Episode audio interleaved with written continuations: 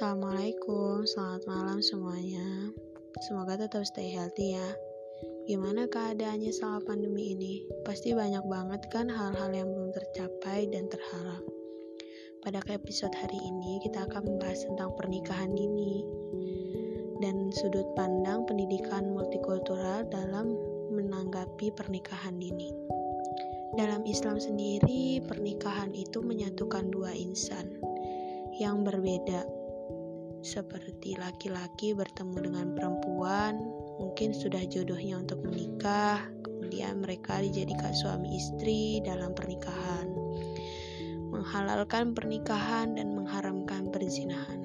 Itulah menurut pandangan Islam. Pandangan multikultural sendiri bagaimana?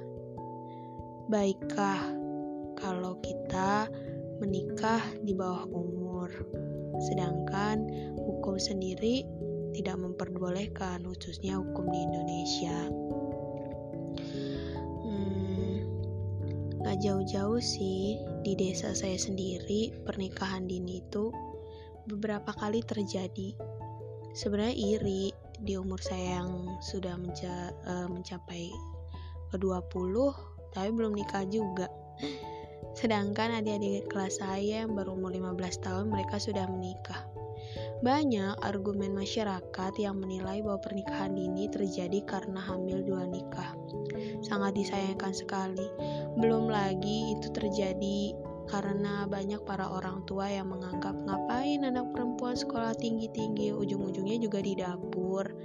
Ngapain sekolah ke mana-mana, ujung-ujungnya kalian jadi ibu rumah tangga.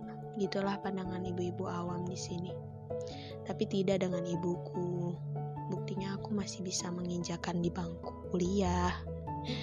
Tapi nggak bisa dijalahkan juga sih bagi ibu-ibu yang punya pandangan seperti itu. Perlunya diluruskan lebih tepatnya. Jadi untuk pernikahan dini ini sendiri itu sebenarnya banyak dampak yang berpengaruh baik positif maupun negatif dampak dari keluarga dampak dari mereka berdua bahkan sampai dampak ke kesehatan Bahaya juga loh di umur 15 tahun kalau harus mengandung dan melahirkan. Kandungan mereka belum kuat, rahim mereka belum kuat, bisa menjadi penyebab pendarahan, ibu meninggal. Sangat disayangkan bukan? Tapi, dalam pandangan pendidikan multikultural sendiri sebagai mahasiswa, ini adalah salah satu keanekaragaman.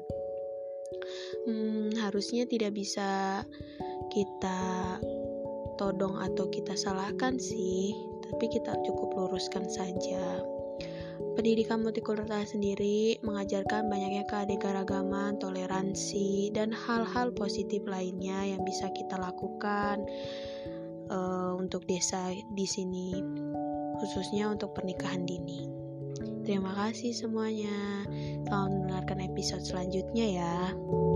thank you